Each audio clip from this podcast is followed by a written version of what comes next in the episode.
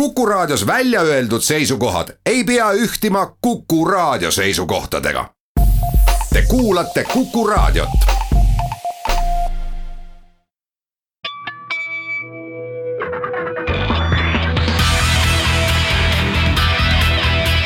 õigus ja õiglus. tere päevast viieteistkümnendal septembril möödub täpselt kümme aastat sellest päevast, kui suur USA investeerimispank Lehman Brothers pankrotti läks ja väidetavalt vallandas see ülemaailmse finantskriisi, mis tegelikult jõudis väga paljude inimeste isiklikku elu nii kaudseid teid pidi ja sundis ka paljusid riike oma riigieelarveid kokku tõmbama ja põhjustas üldse tohutult palju peavalu või vähemalt niisugune mulje on kõikidele jäänud, nii et, et seda verstaposti tasub meenutada, aga püüaks seda teha, teha täna niisuguses lihtsas keeles, mis on arusaadav ka inimesele, kes ise eh, võib-olla finantsasjanduses mm, suur asjatundja ei ole ega ole seda õppinud. ja selles pole ju mingit viga, et eks pigem tuleb juristidel ja pankuritel ja kõigi teiste elualade esindajatel õppida rääkima ka nii, et et teised inimesed neist aru saavad.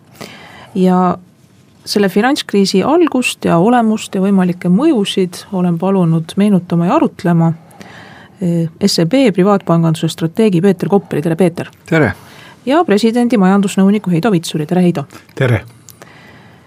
no nii, hästi lihtsalt, et mis siis viieteistkümnendal septembril kaks tuhat kaheksa juhtus juhtus midagi sellist, mida justkui varem polnud juhtunud, ehk siis süsteemi püsimise seisukohalt äh, oluline finantsinstitutsioon äh, osutus olevat selline, et ta ei suuda oma kohustusi täita. Ja kuna noh, finantssüsteem on tänasel päeval äh, omavahel väga tihedalt seotud siis kui selgus, et üks selline suur institutsioon ei suuda oma kohustusi täita, hakati tasapisi eeldama, et äkki ei suuda seda ka keegi teine ja noh, üldiselt sellise inimorganismi kontekstis on see võrreldav äh, gangreeniga, et ehk siis kui raha enam süsteemis ei liigu, sest usaldust ei ole, siis äh, noh, jõuab ebameeldivalt lähedale see hetk, kus see süsteem enam, enam ei toimi ja oluline osa meie noh, tsivilisatsioonist lakkab eksisteerimast.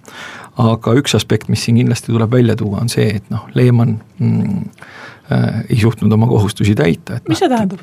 see tähendab seda, et noh, näiteks ta on andnud välja võlakirju mida on investorid ostnud, nad on arvanud, et see on mingisugune, mingi, need on mingisuguse väärtusega ja ühel hetkel nad avastavad, et äh, see väärtus on null ja see ei ole üldiselt investoritele eriti mugav arusaam. aga mis on äh, nagu võib-olla seal taustal kõige tähtsam see, et, et miks üldse tekkis äh, finantskriis, see vajas tegelikult ainult ühte mm, vale eeldust ja see vale eeldus oli see, et äh, Ühendriikides eluasemete hinnad saavad liikuda ainult ülesse või siis vähemalt külgsuunas ja mitte kunagi märkimisväärselt allapoole. miks? Sellepärast, et äh, lihtsalt eks-, ekspro-, ekstrapoleeriti trendi, arvati, et äh, kui miski on tükk aega niimoodi liikunud, siis ta liigub ka edaspidi. ja nüüd ütleme, selline inimlik ahnus tekitab sellise olukorra, kus siis, kui sa arvad, et mingi vara hind saab liikuda ainult ühes suunas, noh mida sa teed, sa võimendad seda sa võtad nii-öelda, laenad kogu maailma raha kokku selleks, et selle, selle pealt teenida. aga paraku võimendus tähendab seda, et see töötab nii ülespoole kui allapoole. ehk siis seni, kuni sinu eeldus kehtib, on kõik hästi, kui eeldus enam ei kehti, siis on kõik järsult ja väga halvasti.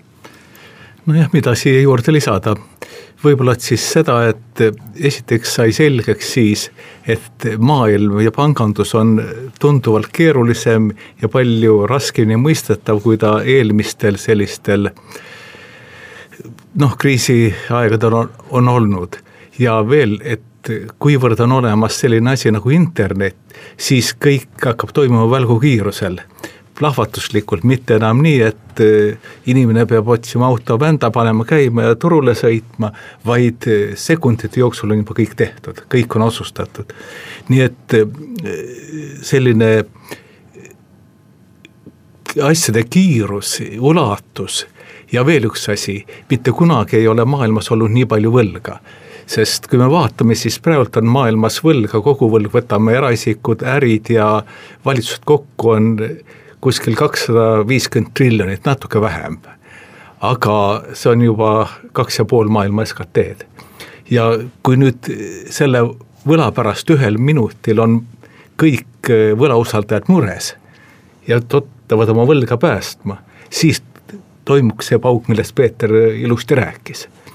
Nii et vaat muud ei juhtunudki, maailm oli teine, need asjad võlapaber, tähendab need subprime bondid, millest tegelikult see asi alguse sai, aga oleks mõne muu asja pärast ka läinud. ega kuhugi pääsu ei ole, mingi instrument on ikka vilets või viletsam kui teised. aga kuidas nüüd eluliselt ära seletada, et mis asi seal vilets oli? asi on selles, et eluliselt oli niimoodi, et needsamad subprime bondid, mida anti eluaseme tagatisel, anti eeldusel, et hinnad ei alane ja et inimesed, kes võtsid selle laenu, suudavad seda teenindada. aga tegelikult anti nendele, kes ei suutnud teenindada ja need paberid muutusid eh, selle tõttu, et eh, tagatis või tagasimaksed eh, häirusid ohtlikuks, tuliseks, millest tuli lahti saada. ja oligi kõik, muud polnud vaja ja siis hakati vaatama, et kahtlasi instrumente on veel, et on veel selliseid asju, millest hästi aru ei saa ja et pangad on teineteisele nii palju võlgu, et me peame sealt ära tõmbama. see toimus väga kiirelt mm, -hmm. nii et eh, kuidas need ahelad just täpselt olid, jumal, seda joonistada on võimatu peaaegu kui siin sai mainitud seda aspekti, et eh, eksisteeris üks vale eeldus, et eh, Ühendriikide eluasemete hinnad liiguvad praktiliselt alati ainult ülesse ja seda võim-, võimendati justkui lõpmatusse, siis teine asi, mis finantskriiside puhul on kõikide finantskriiside puhul, mida on võimalik ajaloos identifitseerida, on hästi oluline, on see, et laenu on saanud need, kes tegelikult ei oleks pidanud laenu saama. jah, ja siin on nüüd selline asi, et tuleme, enam see pole majandus, vaid inimene. inimene, kui hästi läheb, on optimism, optimist ja optimism kasvab. iga aastaga, mis ta on optimist saanud olla ja optimism on nagu olnud õigustatud, siis järgmine aasta on ta veel suurem optimist. ja veel üks asi, turul on alati konkurents ja see, kes mängust liiga vara välja astub, on kaotaja. mängust tuleb välja astuda õigel ajal, nii et et ehk siis, kui me räägime nüüd sellest, mis on inimesele tõenäoliselt kõige arusaadavam, et ehk siis kodulaenud, mida ka Ameerikas inimesed on ju massiliselt sunnitud võtma selleks, et oma peret kuhugi majutada ja nüüd tegelikult on see hind kruvitud väga kõrgeks, mis tähendab, et ka see laen saab olema väga suur. ja nüüd, kui majanduses midagi juhtub, et tegelikult enam ei suudeta seda laenu tagasi maksta, aga tuleb välja, et ka see kinnisvara nii palju ei, ei maksa. Et siis ongi pangal seis happu, et pidasite te seda vähemalt osalt silmas? päris kindlasti seda ja siin on veel üks asi, kui me vaatame näiteks kas või Ameerikat, siis ükskõik, kus osariigis või kus kandis maja ehitatakse, siis maja ehitamiskulud erinevad üsna vähe, ütleme poolteist korda, maksimum kaks korda, aga maja turuhind on täiesti erinev. ja nüüd tulebki see suur risk, et kui inimesed, kes on hakanud maja ehitama ja on võtnud võlga, ei suuda seda võlga teenindada, pank seda maja maha ei saa müüa, sest maja ei maksa midagi. Eestis on sama lugu ju. kui sa ehitad kuhugi kohta kolkas endale uhke mõisa, siis selle turuväärtus on null. isegi negatiivne võib olla, sest ta nõuab täiendavat kulu, mitte tulu. ja noh, see, et kinnisvara hinnad, äh, elukondliku kinnisvara hinnad niimoodi ära kukkusid, see võttis, tekitas Ameerikas veel ühe hästi, hästi huvitava probleemi, millega võib-olla varasemalt poldud äh, kokku puututud, sest Ameerikas oli tööjõud olnud nii-öelda geograafiliselt hästi mobiilne. ehk siis liiguti sinna, kus parajasti midagi huvitavat toimus nii, nüüd kui sul oli hüpoteek vee all, ehk siis äh, su maja turuväärtus oli laenujäägist äh, madalam, siis sa olid selle maja küljes kinni mm. -hmm. ja sa ei saanud liikuda sinna, kus äh, sul võis parajasti tööd olla. ehk siis see tekitas sellise sunnismaisuse tunde ja süvendas tegelikult ka sellist noh, tööpuuduse probleemi.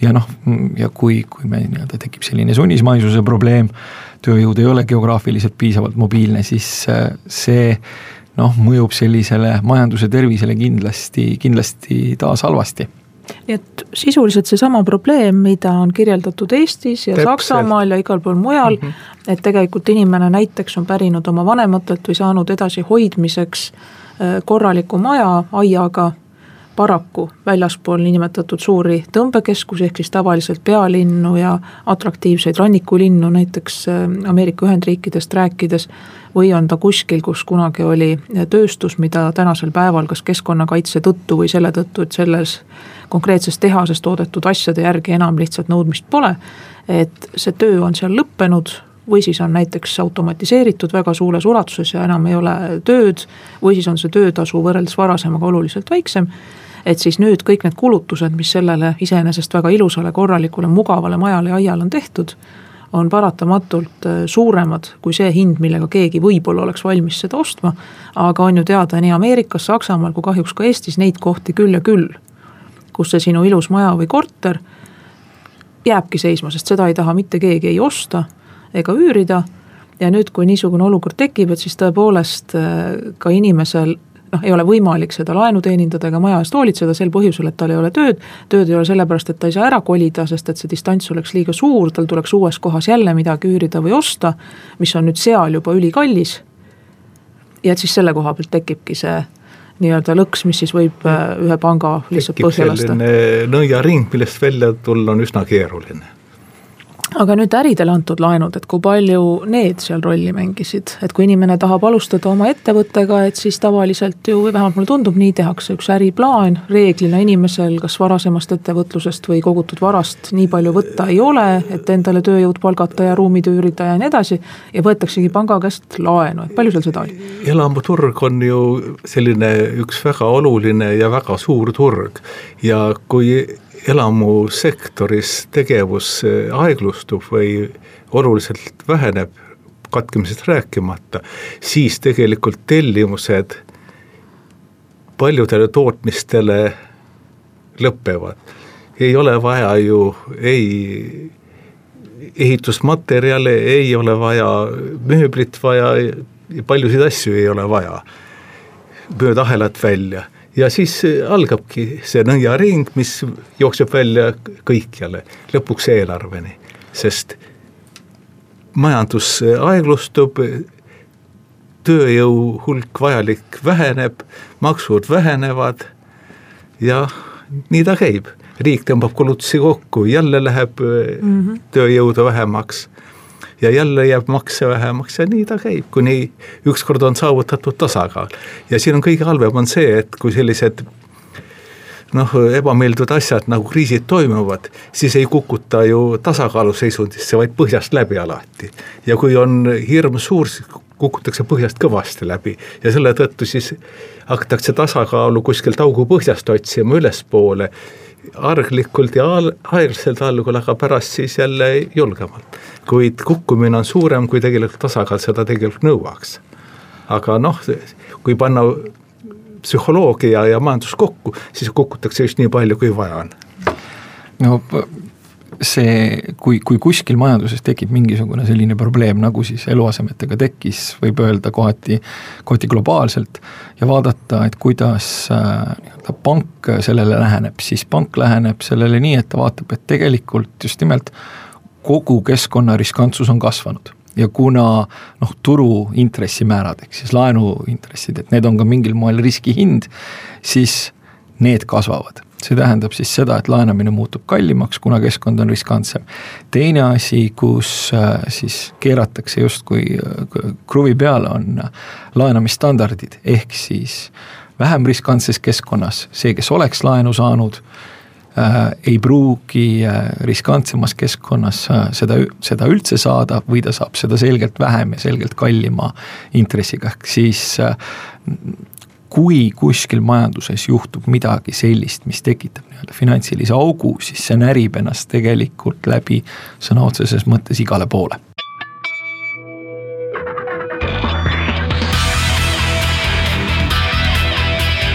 Õigus ja õiglus jätkame saadet, püüame täna lihtsasti lahti rääkida selle, mis juhtus kümme aastat tagasi. Lehman Brothersi pankrot, mis vallandas ülemaailmse finantskriisi ja katsume siis neid küllalt keerulisi majanduslikke termineid, mida neist sündmustest rääkides kasutatakse, inimesel eluliste näidete varal avada. Head saatekülalised on täna SEB privaatpanganduse strateeg Peeter Koppel ja Vabariigi Presidendi majandusnõunik Heido Vitsur. et noh, selge on see, et selleks, et üleüldse kellelegi laenu anda, tuleb pangal kõigepealt äh, raha kokku koguda ja noh, enam-vähem meie kõikide palk jookseb ju pankadesse ja meie hoiused kogunevad pankadesse ja pank meile natukene ka selle eest maksab, et me seda raha seal hoiame. Noh, targemad sõlmivad eraldi lepingud, ütlevad pangale, et ma näiteks selle raha annan sulle kümneks aastaks või viieteistkümneks. või siis on oma lepingud, et sa mingi etteteatamisega saad siis oma hoiuse välja võtta ja näiteks midagi selle eest ise osta ja ma saan aru, et nüüd see tasakaalu kaotus jällegi, et, et seda lihtsasti lahti rääkida, tuli muuhulgas sellest, et tohutult palju võeti neid samu eluaseme laenusid.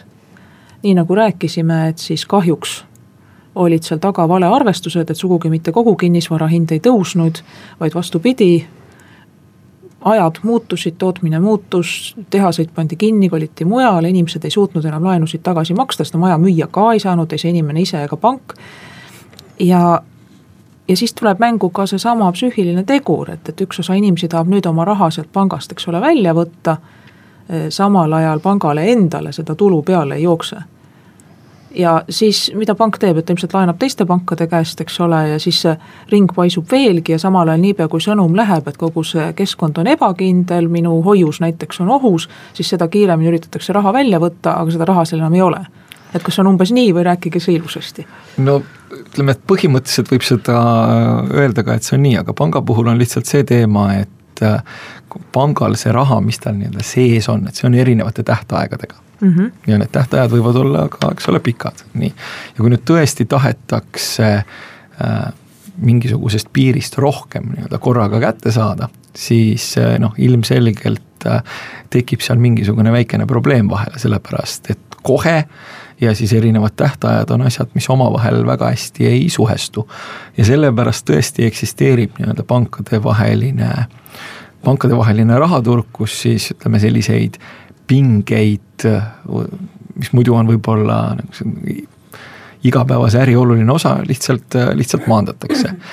ja aga kui, kui süsteemist kaob usaldus ära ja see sinu vastaspool, kellele sa nii-öelda tavaliselt seda, seda lühiajalist likviidsust võimaldab, ei tundu sulle enam nii usaldusväärne kui vanasti, siis sa lihtsalt ei tee seda. sa, sa, sa tõmbud kookonisse ja, ja oled hästi ettevaatlik ja üritad kaitsta seda, mis sul on. Aga siin, siin tuleb jälle paraku mainida seda gangreeni. kui nüüd ütleme süsteemis see nii-öelda see üleöö raha ja lühiajaline raha ei liigu ja samal ajal noh, kõik inimesed leiavad, et nüüd nad tahaksid oma raha mingisugusest finantsinstitutsioonist kätte saada, siis äh, see ongi siis nii-öelda see kõige negatiivsem stsenaarium, mis, äh, mis äh, juhtuda võib, sellepärast et noh, olgem ausad, kui süsteemis raha ei liigu, siis see tähendab seda, et võib-olla kolme päeva pärast pole, ei tule, ei tule automaadist midagi ja, ja võib-olla kahe nädala pärast pole, pole, pole poes enam piima ja see oli see Äh, mis oli selle kahe tuhande kaheksanda aasta finantskriisi juures kõige hirmuäratavam. ja, ja selleks, et see usaldus siis mingisugusel määral äh, taastada, tuligi minna siis nii-öelda sellise usalduse viimase astme juurde, kes on siis äh, riik, kes sisuliselt andis signaali, et selline stsenaarium, nagu ma just kirjeldasin, et süsteemis keegi kedagi ei usalda, lühiajaline raha ei, raha ei liigu, noh, ütles, et äh, usaldage, noh, et see probleem on nüüd ka, ka, ka meie probleem ja me põhimõtteliselt äh, noh, ütleme, loobime seda probleemi rahapakkidega nii kaua, kui see enam nii suur probleem ei ole see on see, mida nüüd nimetatakse rahatrükiks mm, -hmm. kus välgukiirusel süstiti rahasüsteemi triljoneid sest eh, see summa juba, nii nagu ma ütlesin, kukuti põhjast läbi, ei olnud enam mingisugune see, kui palju noh, tegelikult eh, tavaliselt vaja oleks olnud, aga see oli kohe suurusjärkudes erinev.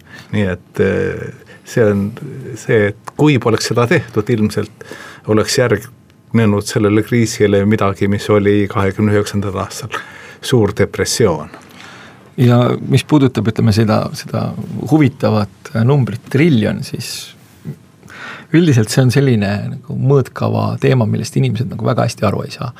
Et kui me mõtleme, ma soovitan kõigil, kes seda saadet kuulavad ja kellel on võib-olla nagu kalkulaator või arvuti käepärast teha selline väikene äh, kalkulatsioon, et kui pikk periood on miljard sekundit ja kui pikk periood on triljon sek-, sekundit ja siis te saate aru, äh, millistest mastaapidest me räägime. ja, ja, ja, ja kui nüüd küsida, et kuidas seda probleemi siis nii-öelda selle rahapakkide loopimisega ka lahendati, et millised mastaabid seal oli, äh, siis kuskil selle aasta maiks oli äh, keskpankade bilansimahud selle nii-öelda trükitud raha kontekstis kasvanud kokku viisteist triljonit dollarit, et see peaks andma mingisuguse sellise orientiiri, et kui suure probleemiga äh, tegelikult tegemist oli ja võib-olla ka selles kontekstis, et kuivõrd äh, radikaalseid meetmeid oli selle lahendamiseks või paljude meelest edasilükkamiseks vaja ja kuivõrd suuri moonutusi tegelikult võib äh, tekitada see, et süsteemi on täiendavalt paisatud rohkem ega vähem kui viisteist triljonit dollarit. nojah, ja et see viisteist triljonit selgeks saaks, siis ma lihtsalt toon sellise võrdluse. kogu Euroopa Liidu majanduse suurus on umbes kakskümmend triljonit.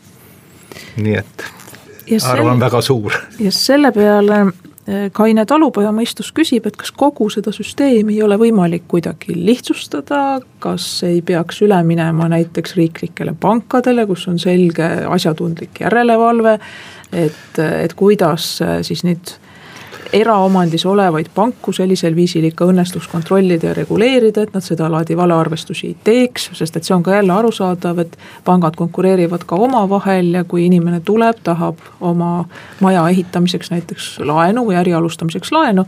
jah, üks ütleb, et sul ei ole piisavalt kindlaid tagatisi, see maja ei ole nii likviidne või see äriplaan ei kõlba, eks ole, aga siis on teine pank, kes ütleb, oi kõlbab küll siin on üks hästi oluline aspekt, noh mida sai ka alguses mainitud, et äh, Lehman oli süsteemselt oluline, ehk siis tal olid suhted absoluutselt kõigi teiste suurte ja paljude väiksematega mm. -hmm. ideaalses maailmas, finantskriisi järgselt ja ka muidu ideaalses maailmas ei eksisteeriks selliseid finantsinstitutsioone, mis on süsteemselt nii olulised, et nad võivad süsteemi omadega kaasa tõmmata see põhimõtteliselt tähendaks seda, et äh, pangad peaksid olema nii-öelda selgelt väiksemad. nüüd, kui seda mõtet edasi arendada, siis äh, noh, olgem ausad, see tähendab seda, et pangad on väiksemad ja tegelikult ka hoiustajad mm, ideaalses maailmas võiksid võtta nii-öelda teatud riski sellega, kui nad hoiustavad. praegu meil on hoiuste tagamise süsteem teatud mm -hmm. tasemeni. see on enamuses arenenud äh, maailmast nii ja hoiustajad mitte mingisugust riski ei võta. kui me vaatame aga süsteemi üldisemalt, siis tegelikult see risk on olemas, kui see risk realiseerub, siis keegi peab selle kinni maksma. nii et äh, noh, ei ole häid lahendusi, ei ole selliseid nii-öelda mugavaid lahendusi.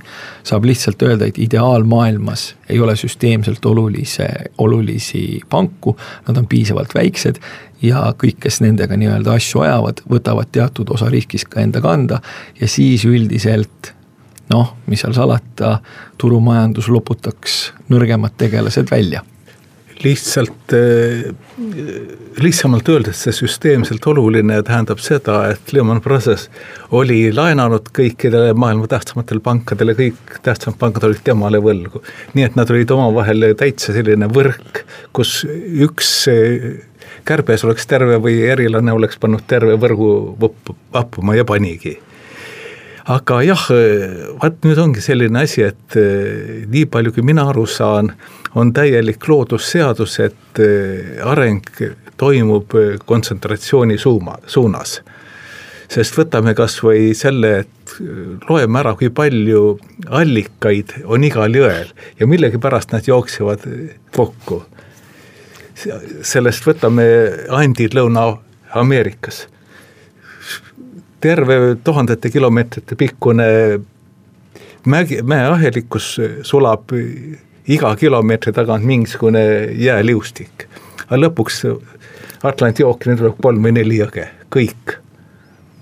ja rahal on täpselt samasugune kleepumisvõime, sest keegi teeb midagi paremini selle tõttu saab ta endal või teine näide, mängige seda linnade põletamist. Kõigil on võrdne pakk kaarte, pärast on kõik ühe käes. lihtsalt juhuslikkude protsesside mõjul toimub liitumine. ja seda takistada jah, regulatsioonidega võib, aga see tegelikult on loomulikule arengule takistuseks. ja kuidas loomulik areng võib loom-, loomuliku arengu takistamine võib asju viltu keerata, nägime me kõik kolmkümmend aastat tagasi jube hästi.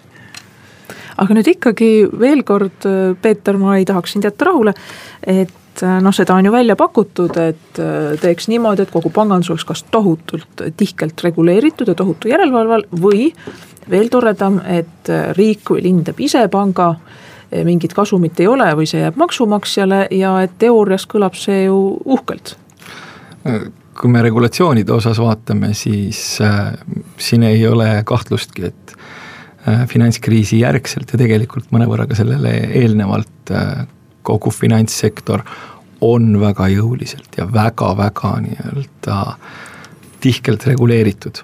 et selles osas küsimusi ei ole, mis puudutab äh, seda, et, et kes peaks olema finantsvahendaja omanik kui selline, siis see on juba selline küsimus sellest, et noh, turumajandus versus, versus plaanimajandus, et kumb kumb on andnud ajalooliselt efektiivsemaid tulemusi, paraku on turumajandus andnud efektiivsemaid tulemusi.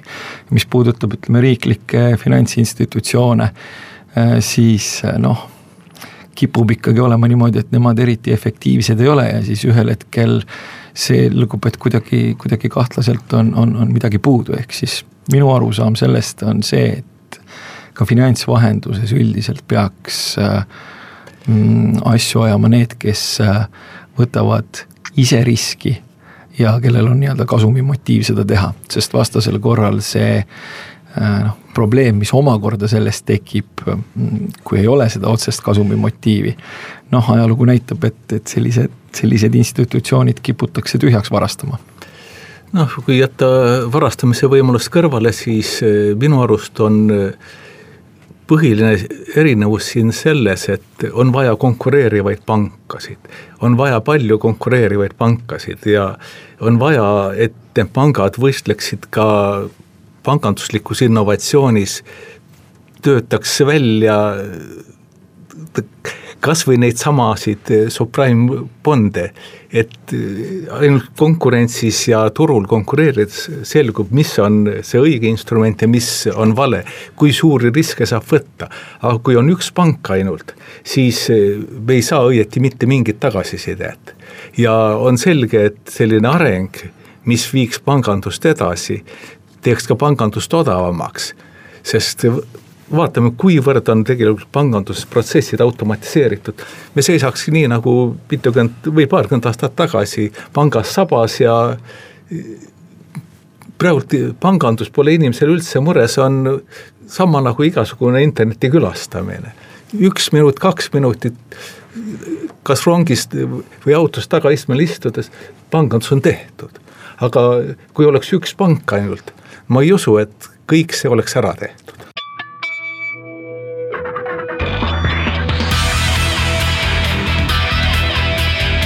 Õigus ja õiglus. jätkame saadet, räägime täna pangandusest, küsime, miks ühe suure finantsinstitutsiooni kokkuvarisemine võib mõjutada väga paljude riikide riigieelarveid ja kurval kombel ka paljude inimeste isiklikku elu sellega, et et kaob töökoht või langeb kinnisvara väärtus või kaotab kodu hoopiski.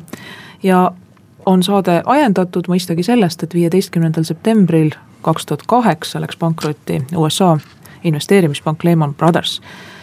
Peeter Koppel, Heido Vitsur ja Ülle Madise. jõuaks nüüd riigieelarvete juurde, et nii nagu selles saates kohane, et katsume selgitada inimestele, mis on toimunud, palju neid küsimuse püstitusi tõukub ka küsimustest, avaldustest ja kaebustest, mis tulevad õiguskantsleri ametkonda. ja nii kummaline, kui see ka ei ole, siis juriidilises plaanis kõigi nende kärbete järellainetused, mis kaks tuhat kaheksa, kaks tuhat üheksa eh, tuli ka Eestis teha, kestavad senini. sest mäletatavasti seal näiteks eh, kärbiti teatud toetusi, eh, vahel neid ei olegi samasuguseks tõstetud, siis vanasti olid olemas eripensionid, näiteks kohtunikel, noh prokuröridel on nad siiamaani teenivad välja, seal oli ka teisi, siis äh, seoses äh, ametimeeste endi palkade külmutamisega, siis äh, tekkis seal nende pensionide suurusega suuri probleeme, sest et see, seda kogu seda külmutamist, lahtikülmutamist, selle kõiki võimalikke mõjusid ei suutnud Riigikogu ette näha, noh, mis on ka loomulik nii keerulistes protsessides, et tegelikult see kõik kestab senini. ja nüüd küsingi, et kuidas teie valdkonna spetsialistidena selle väga lihtsalt ära seletate, et miks üks niisugune äh, eraõigusliku pangandusvõrgustiku varisemine toob kaasa selle, et noh, meil oli krokodillide komisjon, kes oli sunnitud aasta keskel kiiresti tõmbama riigieelarve tulude poole pealt ja vastavalt ka kulude poole pealt äh, suure summa maha. ma kõigepealt ütleksin ära või teeks ühe korrektsiooni. see suur krokodillide hammustamine oli tingitud sellest, et see eelarve, mis oli Riigikogule esitatud ja vastu võetud, oli suurima kasvuga eelarve Eesti Vabariigi ajaloos. see oli ikka, ma ei mäleta enam, aga see oli ikka mitte kümme protsenti, aga ta oli kuskil ikka kahekümne protsendi prognoosiga pandi väga optimistlikult mööda. pandi nii mööda, kui üldse sai panna. ja, ja siis muidugi oli selge, et kui oli selge, et majanduslangus tuleb ja seda suurt enneolematut kasvu ei tule, siis tuli kindlasti palju palju lõigata. Kuid lõigati suure osa lõikamisest oli juurdekasvu tagasilõikamine ja päris lõikamisi oli siiski tunduvalt vähem, kui see välja paistis.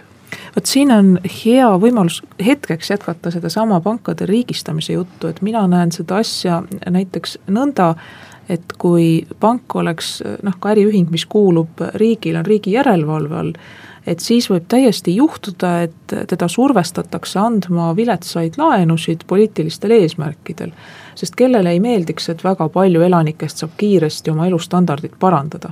et saab endale uue maja osta, auto osta, reisima minna, seda kõike laenu arvelt ja samal ajal võib-olla on ka palgad kõrged sellepärast, et ka ettevõtluseks on antud laenusid, mida võib-olla poleks pidanud andma või vähemalt suuruses, mis oli liiga suur ja et mulle tundub, et isegi selle riigistatud panga puhul ja, ja mulle näib nii vähe, kui ma sellest küll tean, et tegelikult see oht on täitsa olemas, et sellise poliitilise juhtimise puhul prognoositakse asju niisama totra optimismiga, nagu tookord, kui krokodillide komisjoni riigieelarve puhul vaja oleks. No tegelikult olukord oli tookord selline, et sellist ohtu ei olnud, sest meil jooksis pärast Euroopa Liiduga ühinemist laenuraha nii paksult sisse, et pangad võitlesid selle laiali jagamise pärast, aga põhimõtteliselt ma olen sinuga nõus. et kui oleks olnud riigistatud üksainuke pank, et siis see surve on ju vägagi võimalik. kui oleks selline majandusraskus või oleks vaja majanduskasvu saavutada, siis kahtlemata, seda on tehtud ennegi, maailm on suur ja lai ja sellist asja tehakse tihti sellisel juhul ma leian, et ilmselt oleks väga nunnud äh, asjadele väga ilusa retoorika saatel küll ikka inimeste ja ma ei tea, mille nimel äh, lihtsalt äh, raha sellest riiklikust institutsioonist äh, sõna otseses mõttes laiali pritsitud ja lihtsalt pärast oleks maksumaksjale tekkinud sellest kindlasti mitte väike arve. Aga nüüd sellesama riigieelarve mõju juurde tagasi, no väga palju räägitakse, et vot kinnisvara mull purunes, majandus käis põhjast läbi et kui te nüüd veel kord proovite lihtsate sõnade, eluliste näidetega seda lahti seletada, et et mida see kõik tähendab ja miks ikkagi sellest sõltub seesama riigieelarve? aga see on ju väga lihtne, kui see kriis tuli, Eestis tööpuudus kasvas väga kiiresti, kaheksateist protsendini kuhugi. ja see tähendab seda, et need inimesed ei saanud palka, tähendab, nad ostsid vähem tunduvalt vähem. ei maksnud makse. ja ei maksnud ei käibemaksu, palka ei saanud, tulumaksu ei tulnud, sotskindlustusmaksu ei tulnud, aktsiise ei tulnud ja samas, kuivõrd nad ei ehitanud ka maju ja ei ostnud autosid ja muid asju, siis leivavabrikust kuni siis automüüjateni vähendasid oma käibeid. vallandasid veel töötajaid ja maksid veel vähem makse see on üks selline huvitav nii-öelda mõttekäik, mis võib-olla nõuab natukene rohkem järelemõtlemist, aga et noh, isegi tavaline majandus ilma selliste põhjast läbi minevate kriisideta on, on tsükliline, noh, kujutame ette sellist sinusoidi lainetust, nii. aga selle juures millegipärast üldiselt inimesed kipuvad eeldama kahte asja esiteks, et kuigi see majandus on nii-öelda tsükliline sinu, sinusoid, siis äh, riigieelarve on nii-öelda sirge, jäik ja ainult kasvab. täpselt samamoodi nii-öelda palkadega. ja kui miski on sinu soid ja eeldada, et miski on selle juures nii-öelda jäik, siis see annab selgelt kuskil äh, mujal mujal ühel hetkel tunda ja päris, päris valusalt. see, et krokodillide komisjon midagi kärpis, selle kohta võib öelda, et noh, kuigi see oli suhteliselt sellises karmis olukorras, siis see ei olnud mitte midagi muud kui selle sinusoidiga kaasaminek ja arusaam, et äh, noh, äh, mingid asjad, kui üldised protsessid äh, liiguvad tsükliliselt, ei saa olla jäigad. tavalises olukorras võib-olla oleks hakatud seda probleemi siis nii-öelda riigi laenukoormuse suurendamisega lahendama, et, et noh, saaks ikkagi kulutusi, kulutusi kasvatada, kui tsükkel on negatiivne. aga noh, sellel hetkel lihtsalt äh, ei oleks sellisele väiksele toredale riigile nagu Eesti keegi laenu andnud ja kindlasti mitte ka nagu vähegi mõistliku äh, intressiga. ja nüüd tänase väikese majandusaabitsa viimasel kaheksal minutil. et kuidas üks tavaline inimene saab aru, kas praegu seis on hea või halb, et kuidas oma isiklikke unistusi sättida, sest noh, mis seal salata, mina küll, teie võib-olla spetsialistidena mitte, aga mulle tundub, et enamik ikka unistab sellest või isegi eeldab seda, et elu tegelikult on homme on parem kui täna. nii sissetuleku kui elatustaseme mõttes kui üleüldse ja et järgmine põlvkond elab paremini ja nii edasi, et noh, see muudabki kogu tegutsemise mõttekaks ja siis samal ajal sa näed, et on mingid pealkirjad, et, et mingis pangas on mingid kaardid kehtivuse kaotanud ja, ja kuskil ei saa automaatselt enam raha kätte ja keegi ei anna laenu ja. et, et kuidas üks tavaline inimene sellest aru saab, et kas asjad on hästi või asjad on halvasti?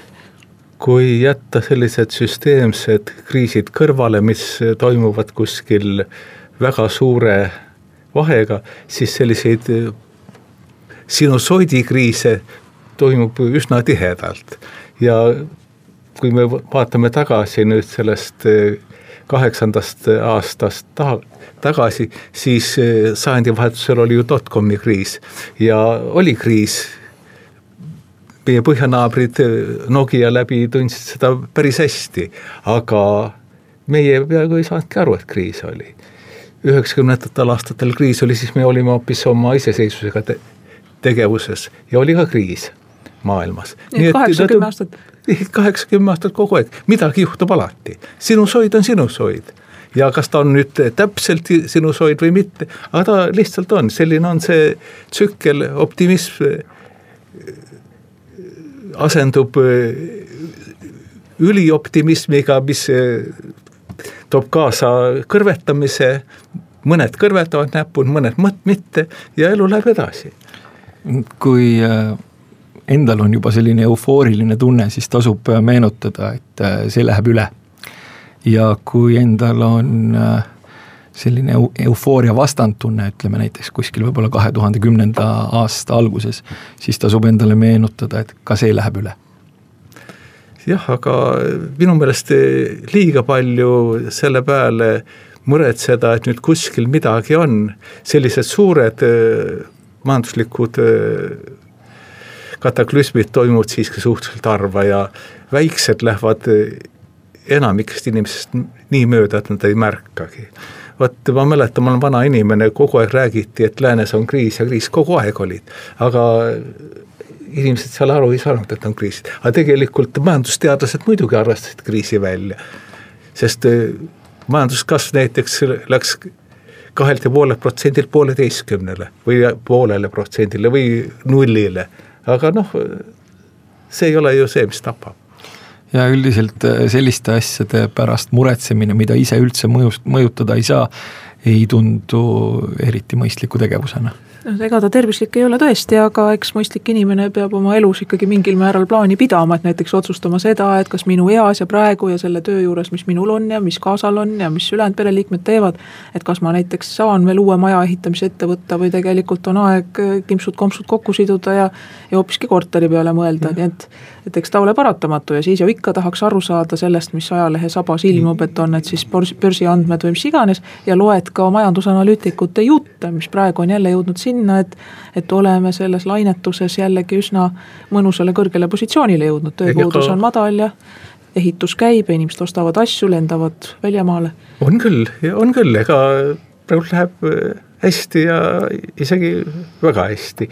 kuid tegelikult inimene peab olema analüüsivõimeline ka siis, kui seda lainetust sellises me laineharjal ei oleks.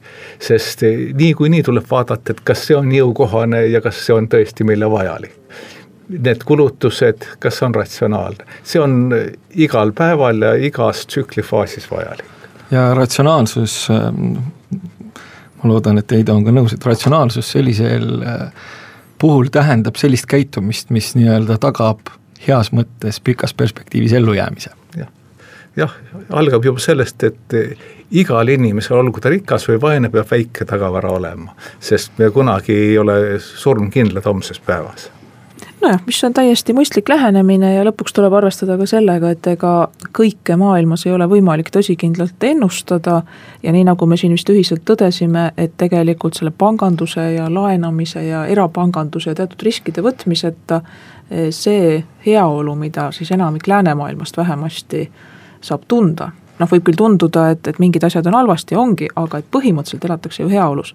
ja tõenäoliselt ilma nende riskide ja selle niisuguse võrgustikuta, mis paratamatult võib ka ühel hetkel puruneda või, või siis ütleme, sinna laine põhja kukkuda, et ilma selleta see ei oleks võimalik, et elu oleks lihtsam, aga ilmselt oluliselt halvem jah, Peeter andis siin kodus ülesande, aga võiks inimesed ju arvutada ka, et selle kahesaja viiekümne triljoni dollari eest, mis praegult võlga on antud pankade poolt, et mis asju selle eest teha saab.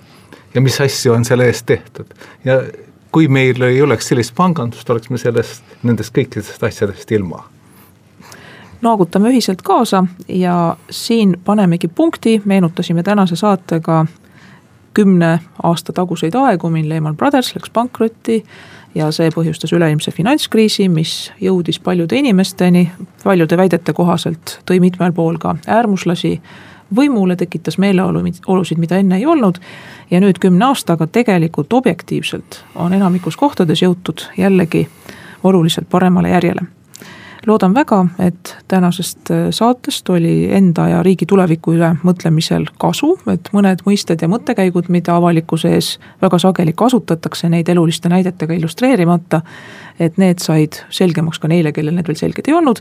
vabandame nende ees, kelle ees kogu majandus on väga selge ja kellele meeldib jutt äh, vektoritest, riskidest, bondidest ja nii edasi igal juhul tänan kuulamast, suur aitäh, Peeter Koppel ja Heido Vitsur saatesse tulemast ja uus saade uuel nädalal.